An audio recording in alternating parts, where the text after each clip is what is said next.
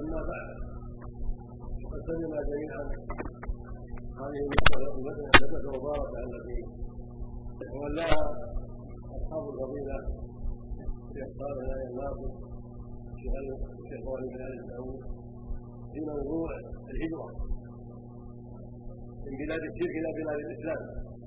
وقد أجاد وأفاد وبين ما ينبغي بيانه وأوضح المظاهر الكثيرة في مقام المسلم بين أظهر المشركين. ومظاهر كثيرة أيضا في عدم هدم ما نهى الله عنه. فجزاه الله خيرا وضاعف مثوبتهما وزادنا وإياكم واياهما علما وهدى وتوفيقا. ونفعنا جميعا بما سمعنا وعلمنا. ومن علينا جميعا وعلى سائر المسلمين بالاستقامه على أمره والتوبة مما يغضبه والعافية من مظلة الرداء أيها الإخوة إن الهجره امرها عظيم. وقد كان المسلمون في مكة في عهده عليه الصلاة والسلام في اذى شديد ومضايقات من أهل الشرك. حتى أفضى ذلك إلى قتل بعض المسلمين من أهل الشرك. فلما اشتد الأمر على المسلمين. امرهم النبي صلى الله عليه وسلم أن يهاجروا إلى بلاد الحبشه عند ملك فيها لا ينال وطنا بجواره وهو النجاشي اصحابه هاجروا إلى هناك هذا دم كثير منهم من رجال ونساء واقاموا هناك في أحسن حال وفي حماية. ثم اشتد الاذى بالباقين حتى أجمع راي الكفره على قتل نبينا محمد عليه الصلاة والسلام. وعند ذلك اذن الله له الخروج إلى المدينة بعدما عاقد الأنصار على أن يحموه مما يحمون به نساءهم وابنائهم فتمت البيعة بينه وبين الأنصار عند العقبة في منى.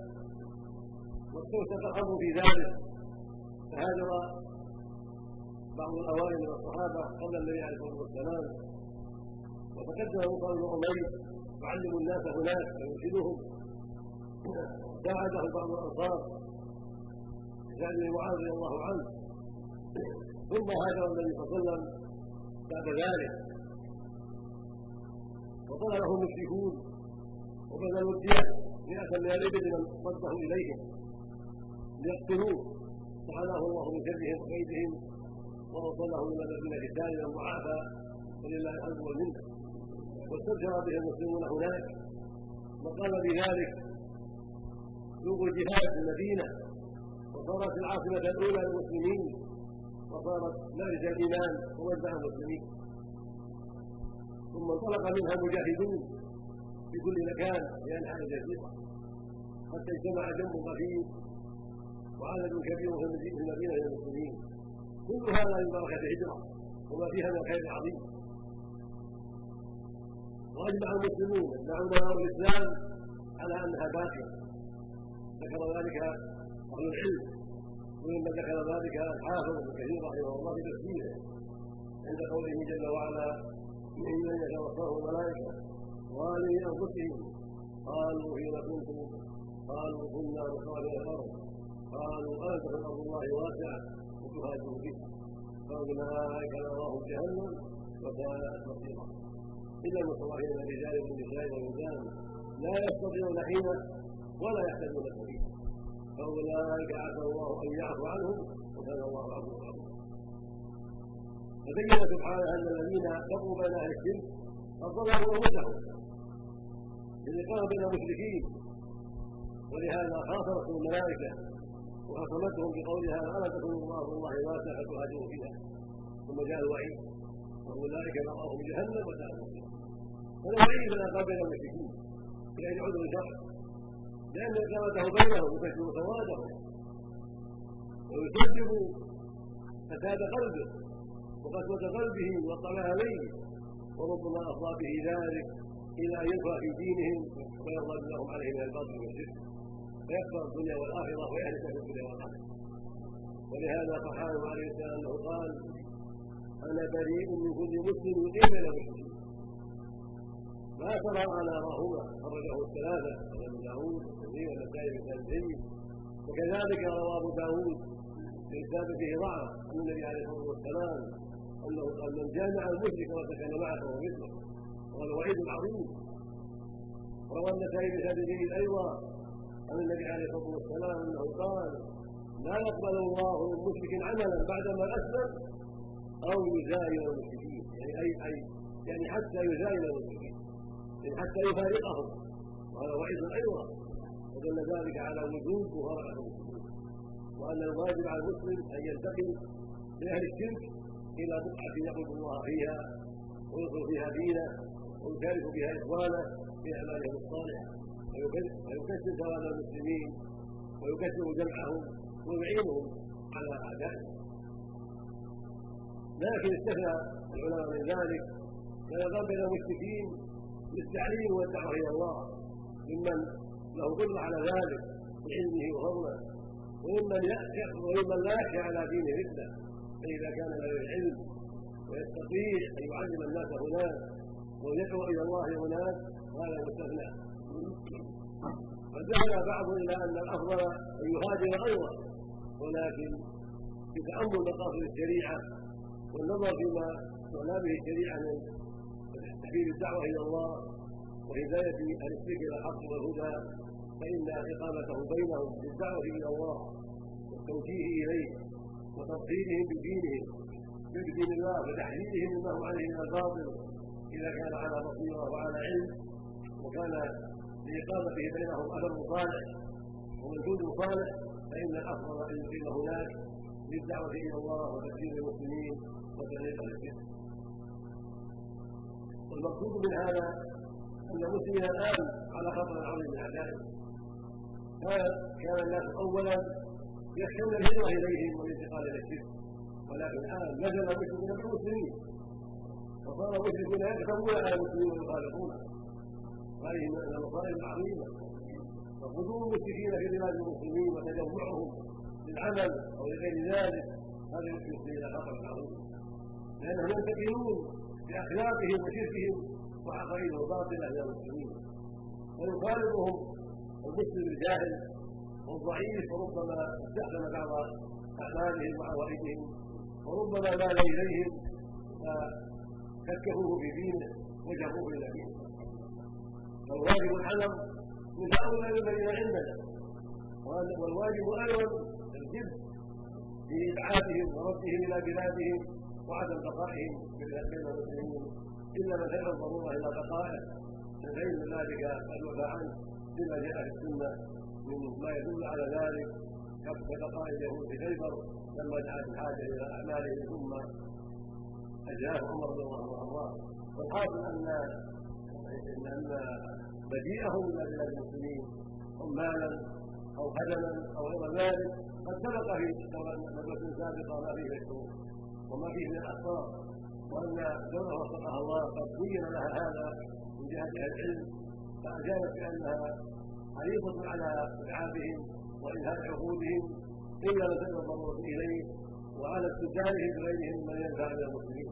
فنسال الله يعينها على ما وعدت به وان يوفقها للخير وان عن أهل الشرك. وإذا كان هذا مع الدولة فالواجب على أحياء المسلمين وعلى افراد المسلمين في كل مكان أن يبتعدوا عن استهلاكهم والمجيء بهم إلى هذه البلاد. وأن يحذروا ذلك. لا عمال ولا هدما ولا مربيات ولا غير ذلك. يجب الحذر من ذلك وأن لا يستورد منهم أحد. لاي نوع من الاغراض إلا على ما تراه الدولة مما تدعو الضروره إليه. أما أفراد الناس فيجب الحذر من ذلك وفيما يسر الله من المسلمين كفاية عن هؤلاء الكافرين. هذا بالنسبة إلى العموم. فكيف بالجزيره العربيه؟ الجزيره كانوا عظيم الرسول صلى الله عليه وسلم أمر بإخراج اهله منها يهود نصارى ومسجد أمر بحياته وعند موته. أوصى بإخراجه من هذه الجزيرة عليه الصلاة والسلام. وان لا يبقى فيها إلا مسلم. هي نهج الإسلام وهي منبع الإسلام وهي منطلق الدعاة إلى الله عز وجل والمجاهدين فلا يجوز أن يبقى فيها دينار يجب أن تطهر مما سوى دين الإسلام.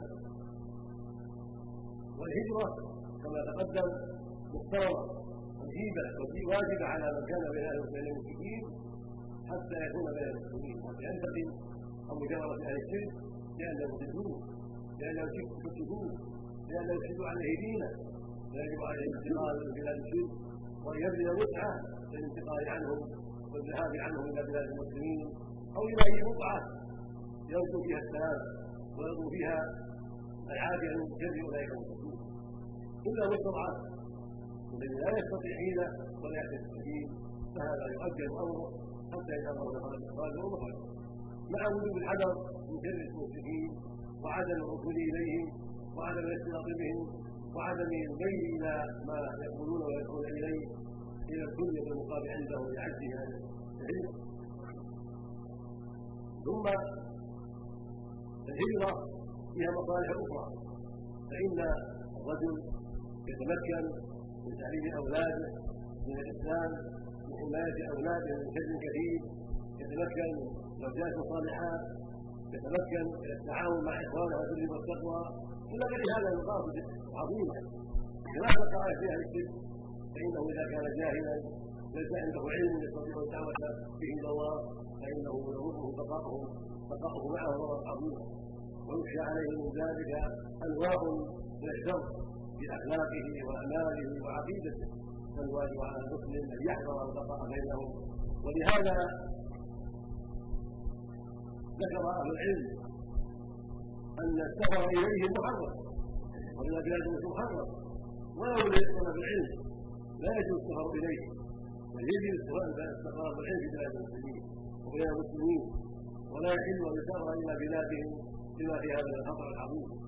لا للرجال ولا لا للشباب ولا للفتيات يجب بذلك فتتبع اللهم الا إذا كان المسافرون رجالا قد فقهوا في دينهم قد تبصروا في دينهم وعلموا ما يعينهم على الدعوة إلى الله وعلى وعلى إظهار الدين وكانت حالتهم يعني طيبة ومشهورة بلسانهم واستقامتهم وصلاح أحوالهم فلا مانع لاستعادهم إلى الدعوة إلى الله أو إلى تعلم العلوم يحتاجها المسلمون ولا يكون بينهم في بلادهم.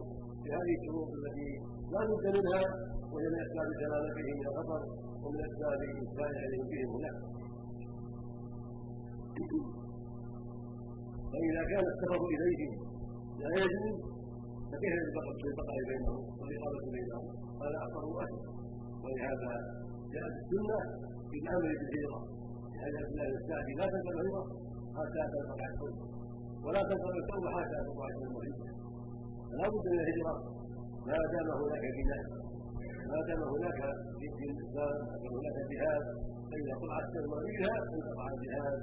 وانقطع قبول العمل الداعى له عليه من عمل طلعت الكلمة بها لا يقبل من كافر توبة ولا من عاصي توبة. كل يبقى على حاله الأولى المسلم على حاله وعلى أعماله والكافر على حاله وعلى أعماله يتجالسون على الطعام وعلى غيره هذا يقول كافر وهذا يقول كل قد انتهى. لا يستطيع هذا الكافر أن يتوب قد ولد له بالتوبه فلا حول ولا قوة إلا بالله. ولا يستطيع أن يزيد لأنه انما زال بعدما قد ولد كما قال جل وعلا يوم ياتي بعض ايات ربه لا ينفع نفسا ايمانها لم تكن أنا من قبل أو كثر في ايمانها غيره وهذا مراد كل شيء ثم غيره فالواجب على أهل الاسلام ان يتكاتفوا وان يتعاونوا اينما كان الحاضره الباديه الانصار والقرى على الدين وعلى وعلى الاستقامه على ما وجب الله عليهم وان يتمسكوا بكتاب ربهم وسنه نبيه عليه الصلاة والسلام وان يتباعدوا عما سوى ذلك والمهاجر من هجر ما الله عنه. ولهذا قال عليه الصلاة والسلام المسلم من زين المسلم من خلال والمهاجر من هجر ما الله عنه. يعني المهاجر الكامل من انتقل إلى الشرك لا مهاجر لكن اكمل منه واعظم عبره من ترك ما نهى الله عنه جميع الوجوه ترك بهذا الشرك وترك المعاصي أيضا. هذا هو المهاجر الكامل ويتباعد عن جميع المعاصي لله لا للدنيا ولا لاغراض أخرى فإن ترك ما نهى الله عنه يبتغي مرضات الله. يبتغي ما عند الله من الاجر والثواب هذا هو المهاجر على الحقيقة. وذاك مهاجر. لكن هذا احمد مثل ما قال النبي صلى الله عليه وسلم ليس الشيء السرعه حينما الشديد الذي يملك نفسه عند خطر يصرع الناس. يسمى شديدا ويسمى قويا الذي يصرع الناس. ولكن اقوى منه واشد منه. الذي يملك نفسه عند حتى لا يقع ما حرم الله. مثل ما قال عليه الصلاة والسلام؟ يدعو بسوء بهذا الصواب؟ الذي ترده اللغة واللغتان والتمره والتمرتان وانه المسكين الذي لا ينظر إلى اليمين ولا يقوم فيسأل الناس. ولا يستطيع أن يصدق عليه. هذا هو المسكين بمعنى الكلمة. هكذا المهاجر المهاجر العظيم المهاجر الكامل. الذي جاهد نفسه حتى ترك جميع المعاصي حتى استقر على عبد الله وحتى تباعد عن بلاد الشرك والسفر إليها. وقاله الله من ذلك. هذا كل ما يرى الله عنه وإنما يكون مهاجرا إذا كان له نية صالحه كما قال النبي كما قال النبي عليه الصلاة والسلام إنما الاعمال بالنيات وإنما لكل امرئ ما نوى ومن كانت هجرته إلى الله ورسوله هجرته إلى الله ورسوله. ومن كان هجرته إلى دنيا يصيبها أو امراه ينكحها هجرته إلى الله ورسوله. المهاجر إلى الله ورسوله هو الذي هاجر اخلاصا لله ومحبة لله وتعظيما لله واتباعا لسنة رسول محمد صلى الله عليه وسلم.